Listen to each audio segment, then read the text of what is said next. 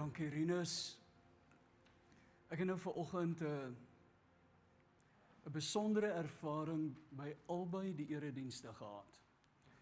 Ek en Rinus is so vroom, ons woon albei dienste by. Waar in die sang gedeelte die Here elke keer op 'n baie besondere manier by my stil gestaan het. Baie dankie aan ons musikante wat met groot toewyding en baie professioneel ons begelei het. Voorsanger saam met Rinus. Maar ook en ek weet nou ek verraai nou my ouderdom as ek sê die keuse van liedere was nou vir my baie spesiaal. Ek dink die ouer mense gaan nou empatie hê met my daaroor. Ek praat ver oggend is nagmaal oor die potensiële gevare wat dit vir 'n kind van die Here kan inhou wanneer ek en jy nagmaal gebruik. Gevare waarvan ons moet kennis neem. Ons speel met vuur terwyl ons nagmaal gebruik. Jy het waarskynlik dit nou al gehoor in die vroegste gemeente was daar baie arme mense. Trouwens, die vroegste Pinksterkerk was daar omtrent net arme mense. Hierdie boodskap het eers die armes en eenvoudiges bereik voordat die meer gesofistikeerdes bereik het. Trouwens onder Jesus se disippels was daar ook net arme mense. Hy het nie in Jerusalem gaan disippels maak nie. Hy 12 gewone mense gekies. Arm plattelandse Jode. En 'n strategie wat die vroeë kerk lyk my oor 'n baie wye area gebruik het om hierdie probleem aan te spreek was dat hulle elke dag kerk gehou het. Kan jy dink, 7 dae week. Kom ons sê ook hulle het 7 dae week gewerk. Hulle het vakansie gekry die dag as hulle doodgaan. Daar was nie naweke en sulke goeters gewees nie. Nou het hulle eenmal 'n dag in die aand bymekaar gekom. En elkeen het die kos wat hy voorberei het saamgebring. En die een wat niks kon voorberei nie, het ook daar kom sit. En dan het hulle hierdie kos gedeel. Nou as jy nou so 'n bietjie in die Korinteboek gekuier het dan dan weet jy dat Paulus in die Korinte gemeente so tipe van 'n haat-liefdesverhouding gehad het. Trouwens, daar's 'n tweede brief waarvan ons weet, die sogenaamde tranebrief wat weggeraak het, ook maar goed so want Paulus en die gemeente 'n magtige uitval het. Hierdie gemeente het vir Paulus hoofpyne gemaak. En een daarvan vind jy in die konteks van die nagmaal, die bekende 1 Korintiërs 11 en ek wil jou nooi om saam met my 1 Korintiërs 11 van die 17de vers af te lees. Kom ons doen dit aandagtig. As ons glo dat die woord wat ons ver oggend lees uit God se hart vir Sion gemeente kom, dan dink ek impliseer dit ons gaan met al ons aandag daarna luister. Paulus sê vers 17 Nou dat ek besig is om voorskrifte te gee, onthou die hele boek gaan daarom dat hulle vir hom vrae gestel het en hy beantwoord hierdie vrae en, en hy doen dit so al voorskriftelik. Nou dat ek besig is om voorskrifte te gee, daar's dinge wat ek nie prynsinswaardig vind nie. Dit is dat julle samekomste eerder kwaad doen as goed. Wat my hinder veral hinder is dat daar soos ek hoor verdeeldheid onder julle is wanneer die gemeente saamkom en gedeeltelik glo ek dit ook. Dan moet trouens partyskappe onder julle wees sodat dit bekend kan word wie van julle die toets kan deurstaan. Jy sien wat hier gebeur het. Die mense wat het ook maar stuk selfsug gegryp en geëet. En in die proses versadig geraak. En die mense wat nie kos het nie is op hierdie manier verneder.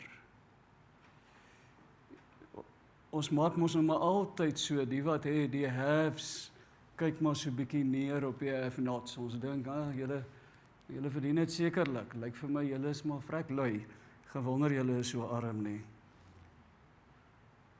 En op hierdie manier ontstaan daar diferensiering, sosiale diferensiering en die gemeente van die Here word verdeel. Vers 20. Dis dan nou die konteks waarin Paulus oor die nagmaal praat, want hierdie gesamentlike maaltyd is elke aand afgesluit deur die nagmaal. Nou ons doen dit eenmal 'n maand. Ek wil jou aanmoedig. Doen dit by jou huis baie gereeld. Doen dit as 'n huisgesin, as 'n instelling, 2, 3 maal 'n week. Ek hoop jy gaan nou na vanoggend se diens kan sê ek verstaan ook hoekom dit so belangrik is om dit gereeld te doen. Vers 20 as julle dan as gemeente saamkom, is dit nie meer die nagmaal van die Here wat julle vier nie. Hier kom die probleem. Want by die gemeenskaplike maaltyd het elkeen gou sy eie eetgoed. Hulle bid nog oor die kos dan prop ek al my kieste vol van die hoender want ek is bang iemand anders wat nie kos het nie vat dit. Met die gevolg dat party honger honger bly en party te veel drink. En kom ons sê dit nou maar in daardie tyd het mense nou nie koffie en tee gehad. Ek weet nie hoe oorleef 'n mens sonder koffie nie. Maar hulle moes maar klaar kom met wyn, maar hulle dan nou nie die wyn maar net so gedrink en hulle het hom verdun. In baie gevalle so verdun dat dit eintlik maar net die smaak van die druif gehad het. Maar daar's 'n paar ouens wat lyk vir my genoeg van daardie verdunde wyn gebring het en gou-gou gedrink het dat hulle sommer begin saam praat het. Partye te veel gedrink. Vers 22. Het julle dan nie huise waar julle kan eet of drink nie? Of het julle nie eerbied vir die gemeente van God nie. Luister na daardie gemeente se beskrywing. Het hulle dan nie eerbied vir die gemeente van God nie? En wil julle die armes verneder? Wat moet ek vir julle sê? Moet ek julle prys? Hieroor prys ek julle beslis nie. Vers 23. Ek het van die Here ontvang wat ek ook aan julle oorgelewer het. Die Here Jesus het in die nag waarin hy oorgelewer is brood geneem En nadat hy God daarvoor gedank het, het hy dit gebreek en gesê: Dis my liggaam. Dis vir julle. Gebruik dit tot my gedagtenis. Iets van dink terwyl jy dit gebruik. Dink oor wat aanleiding gegee het dat jy die nagmaal kan gebruik. Vers 25 net so het hy na die maaltyd die beker geneem en gesê hierdie beker is 'n nuwe verbond wat deur my bloed beseël is. Gebruik dit elke keer as jy daaruit drink tot my gedagtenis. Dink. Bedink wat jy doen. Vers 26 elke keer, dis nou Paulus se kommentaar, elke keer hy sê klaar met Jesus se woorde, hy sê elke keer as jy van hierdie brood eet en uit die beker drink, verkondig jy die dood van die Here totdat hy kom. Onthou daardie frase, verkondig die dood. Vers 27. Hier kom die waarskuwing. Elkeen wat op 'n ongepaste wyse van die brood eet of uit die beker van die Here drink sal skuldig wees aan sonde teen die liggaam en die bloed van die Here.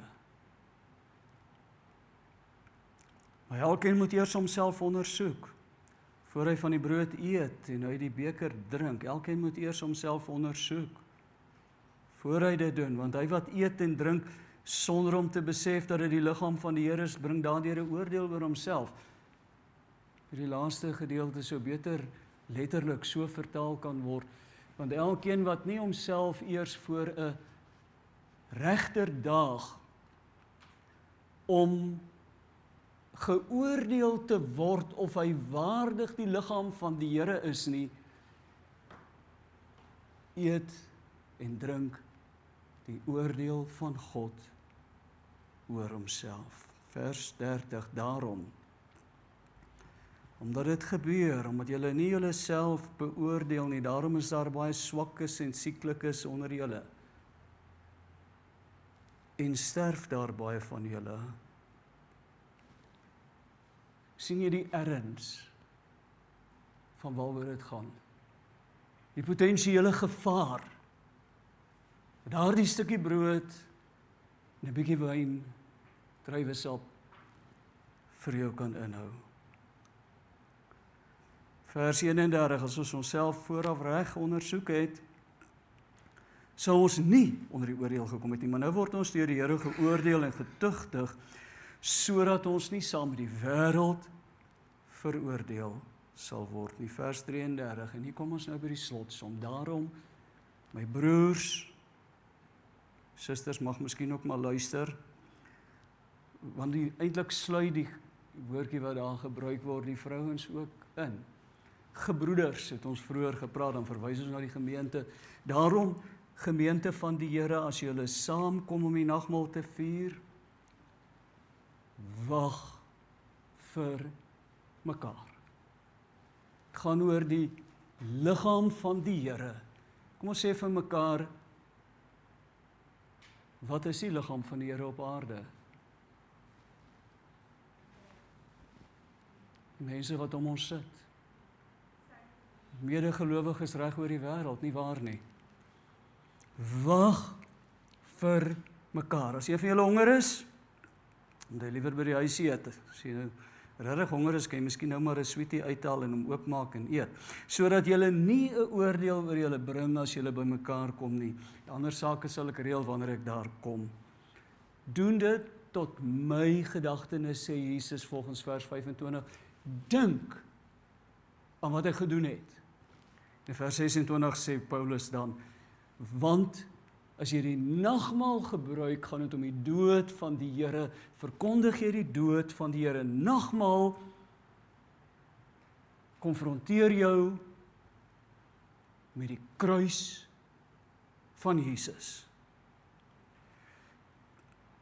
en die kruis van Jesus het 'n besondere betekenis implikasies gevolge vir jou in my lewe. En ek gaan volgende al vier daarvan vinnig verwys. Mense sal ook sekerlik oor baie meer oor die onderwerp kan sê genadiglik gaan dit hopelik nie in, in, in tydens die geduld periode van jou geduld wees dat ek dit doen nie. In die eerste plek, die nagmaal nooi jou en my staan net eers bietjie stil. Kyk na die kruis. sien die gekruisigde God wat besig is om aan die kruis te sterf. Hoor wat hy vir jou sê om die verhouding met jou te herstel. Moes ek oor al jou sonde, jou skuld, jou swakheid, jou mislukkings, jou teleurstellings klim om by jou uit te kom. Maar dit was nie genoeg nie. Van die skuld van jou sonde het ons van mekaar geskei. Dis hoekom ek hier hang. Ek betaal die skuld van jou sonde. I owed a debt I could not pay. You paid the debt for me. Ja, staan lank genoeg. Wil ek voorstel. Kyk hoe die pyn van die spykers in die hande en voete hy hang met sy volle gewig aan die spykers wat daar ingekap is. Kyk hoe daardie pyn sy liggaam deur priem. Bloed wat oor sy gesig loop van die van die kroon, die doringkroon, die rug wat flenters geslaan is en hy moet teen daardie rug aan die dwarsbalk van die kruis rus. sien hoe die vliee op hom loop op sy wonde. Hy kan niks doen nie. Kyk hoe hy stadig versmoor omdat bloed in sy longe loop. Kyk lank genoeg totdat jy nie anders kan nie as om te kniel voor die kruis en te sê Here hieraan het ek my lewe te danke. Daarom kan ek nie ongeskonde hier wegstap en maar soos voorheen aangaan nie. In die tweede plek wil ek voorstel die kruis demonstreer hoe God onverwags na mens kan kom. Selfs na 'n kind van die Here. En jy herken hom nie. Die kerk van die Here op aarde het Jesus nie herken nie. Hulle het nie ingepas by hulle prentjie van God se besoeking, hoe 'n Messias moet lyk en optree nie. Wat doen hulle? Hulle gebruik hulle vyand om Jesus dood te maak. Hulle mis die afspraak wat God met Israel gehad het. Kind van God. Mag ek jou vanmôre waarsku? God kom soms op maniere wat jy dit nie verwag het nie. Verlede Sondag het Dr. Henry het 'n getuienis gedeel hoe dat haar man haar by die selgroep vra om om vir iemand te bid. Sy noem die vrou Wayward. Want sy het die pad geken, sy het saam met haar ouers dit geloop en sy het die pad byster geraak en ver in die wêreld gaan draai en nou het sy hierdie mediese probleem, sy's baie siek en en, en dokter Henry het sê my eerste gedagte was ag sy's nie waardig nie. Die Here kan nie vir haar moeite doen nie. Sy weet mos van beter. Maar genadiglik, Gees van die Here wat in ons werk, besef sy God se genade werk gelukkig nie soos myne en dalk joune nie. En sy bid vir hierdie vrou. En die Here raak hierdie vrou aan. Hy gebruik 'n wonderwerk om iemand wat die pad geken het maar byster geraak het te stop en haar te laat omdraai om die Here opnuut raak te sien. En Henriet maak toe nou die opmerking daarmee saam. En die Here doen dit nie altyd vir sy kinders nie. Ons is siek. Ons vertrou die Here. Ons gaan soek selfs die geloofsgeneesheer wat ergens in die Vrystaat bly laat hy vir jou bid en jy moet net R250 in die kassie agterlaat. En niks gebeur nie. Is dit die tyd dat jy dalk vir jouself sê het God nie na my gekom in die pyn of in die leed in die finansiële swaar kry selfs in die dood van 'n geliefde nie en ek het hom nie herken nie want hy het nie my prentjie gepas nie. Gaan dink so 'n bietjie daaroor. In die derde plek dink ek demonstreer die kruis grafies wat die gevolg is van 'n lewenswyse wat op homself gerig is. My selfsug. My soeke na eie belang. My gerief. Dit demonstreer die verwoesting wat sonde in jou lewe veroorsaak.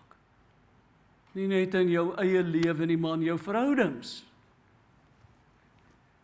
Hoeveel rampe, katastrofes, lyke lê nie agter my nie.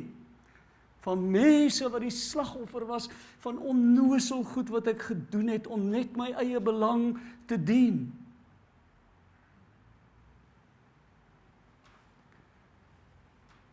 Maar die kruis bedui terselfdertyd vir jou van 'n beter pad.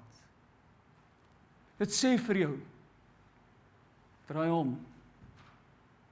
Gaan haal jou eie kruis in Jerusalem. En dra hom tot op Golgotha. En hang langs my. Sterf aan jouself. Want dis die enigste manier in die hele wêreld waardeur jy die deure en vensters wat jare en jare toe is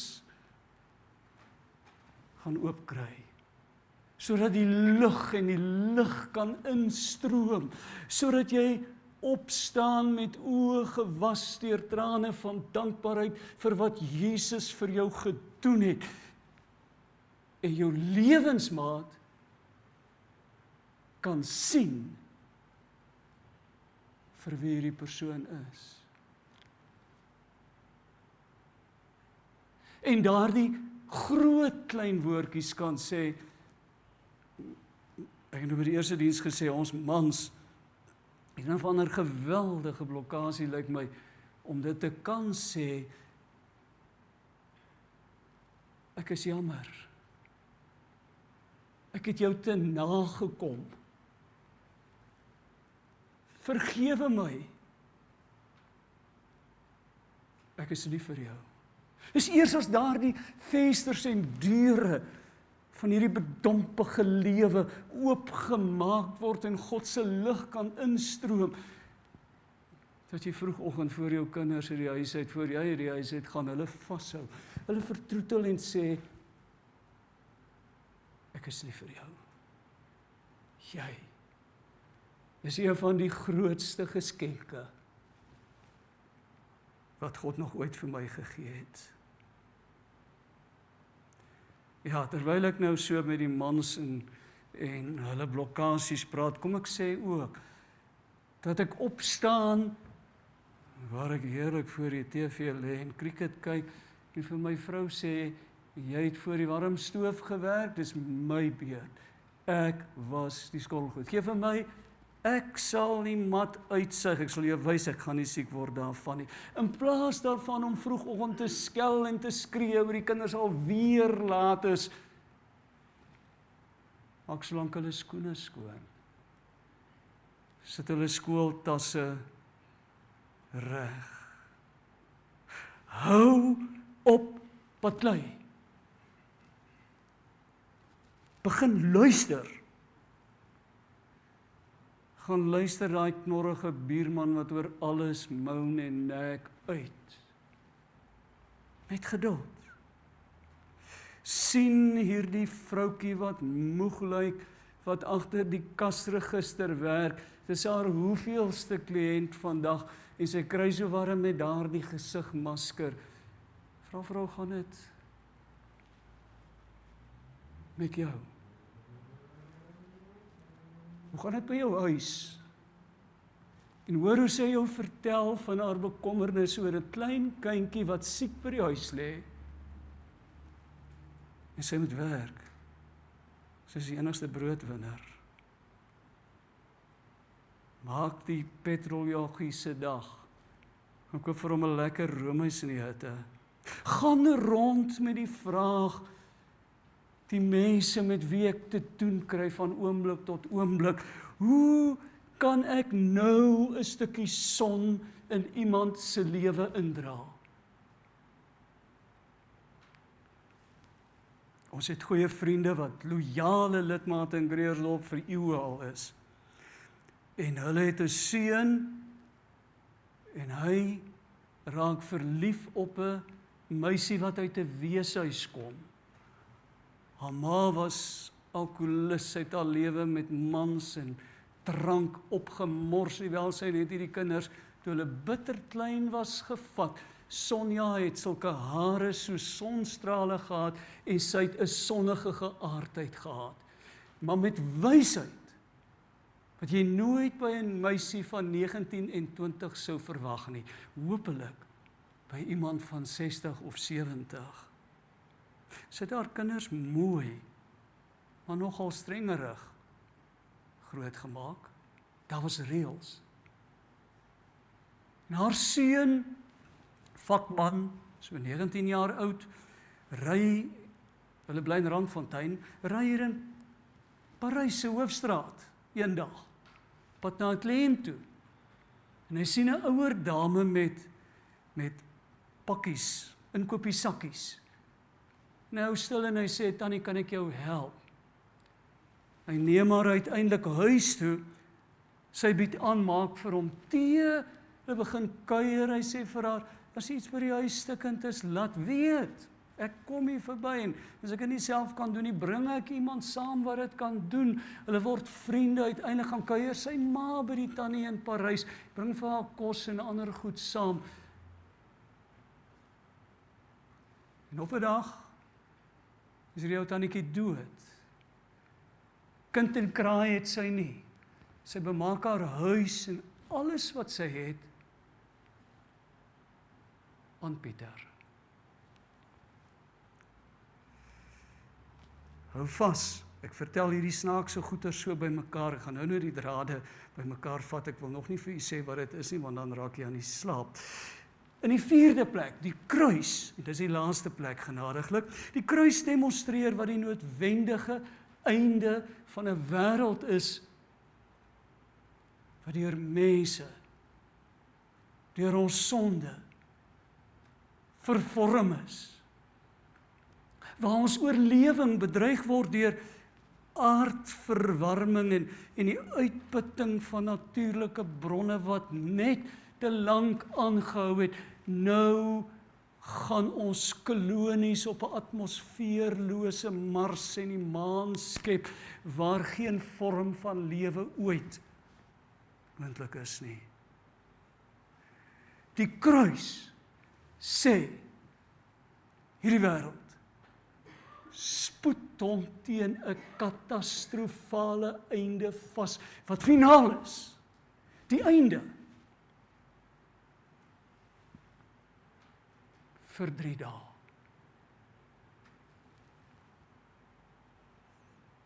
want die opstanding sê die man van smarte die man van die kruis word die regeerder van 'n nuwe wêreld 'n plek waar vrede en naasbestaan gewaarborg is ek sluit af Jesus nooi is my liggaam Dit is stukkend gebreek vir jou. sien waaroor dit gaan en eet die brood. Kom staan hier voor die kruis tot jy verstaan. Dis my bloed vir jou.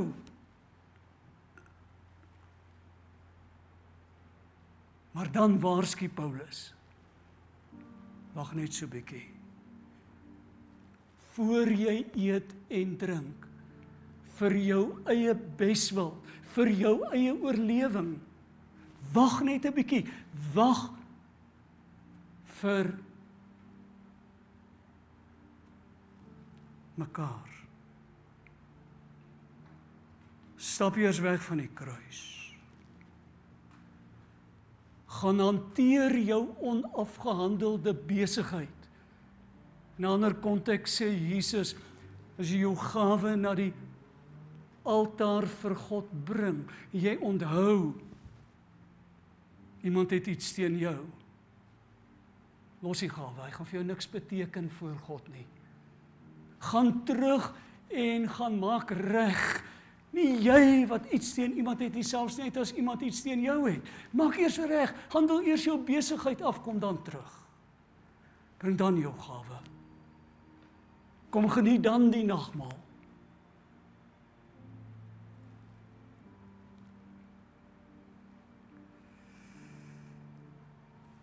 want wie op 'n ongepaste wyse eet en drink waag hulle lewe.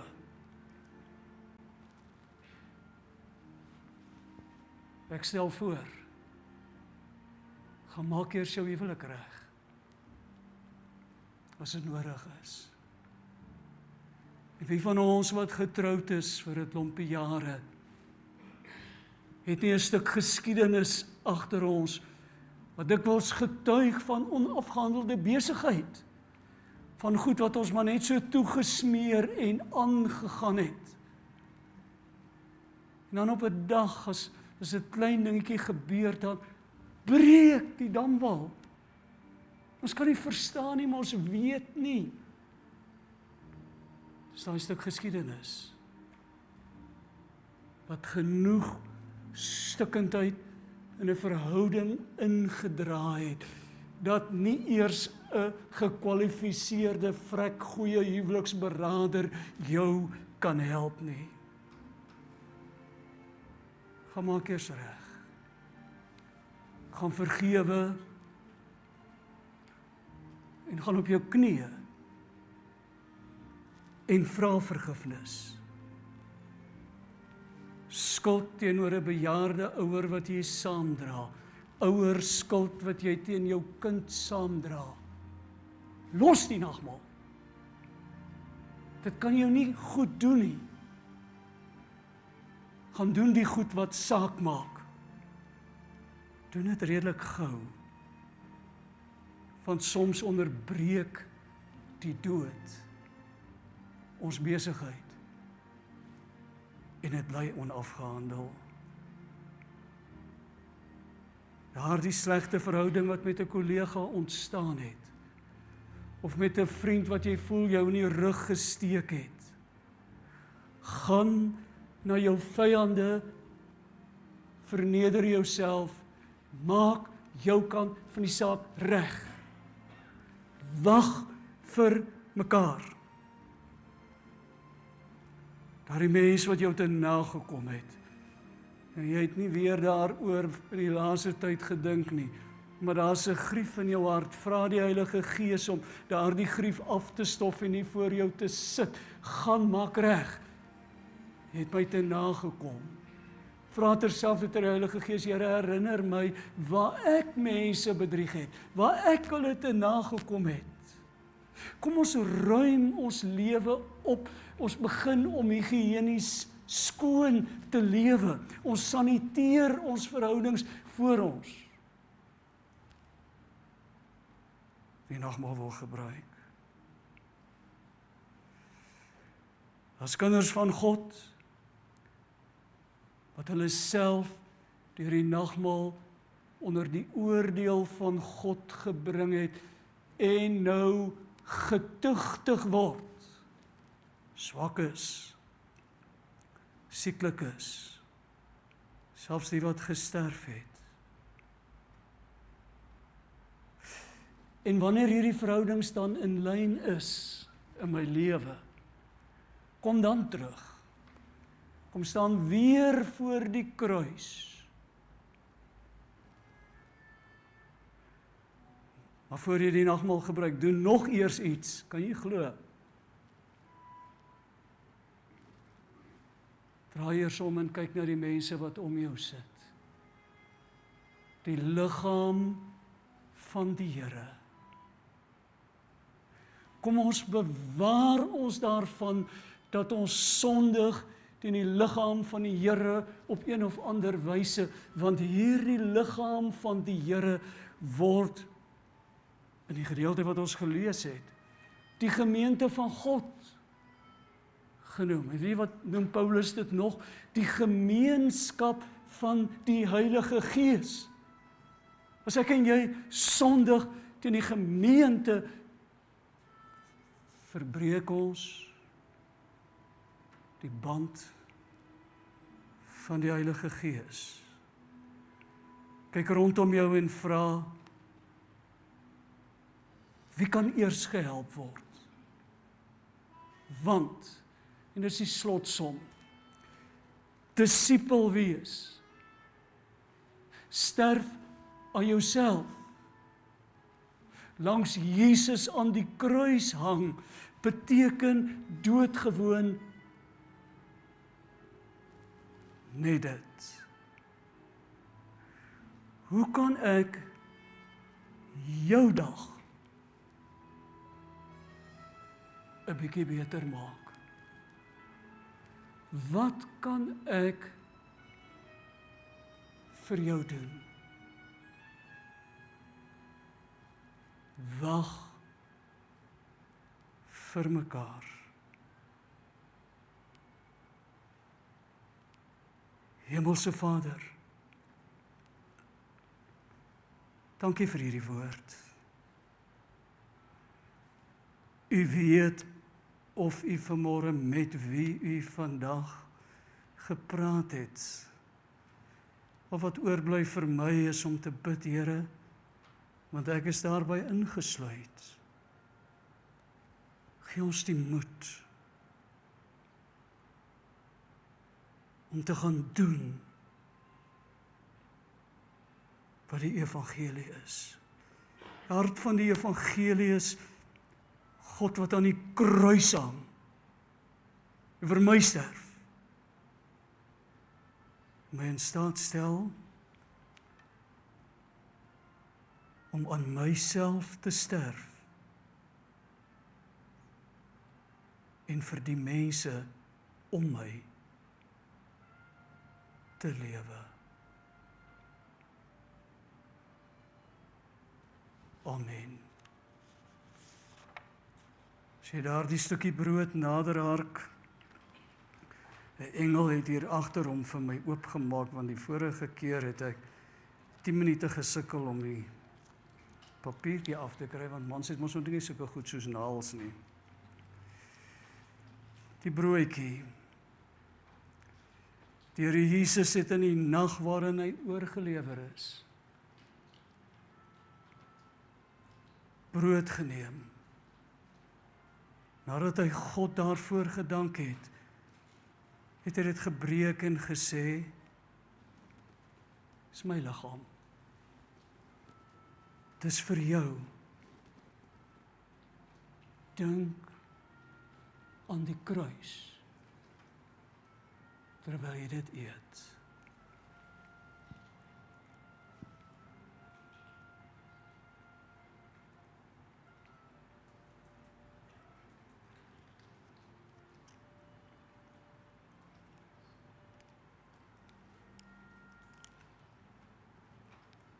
Net so ook het hy na die maaltyd die beker geneem en gesê hierdie beker is die nuwe verbond. Dit word deur my bloed beseël.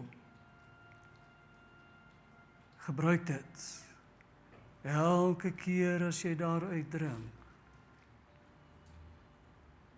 om die kruis en die implikasies daarvan vir my en jou te oordink.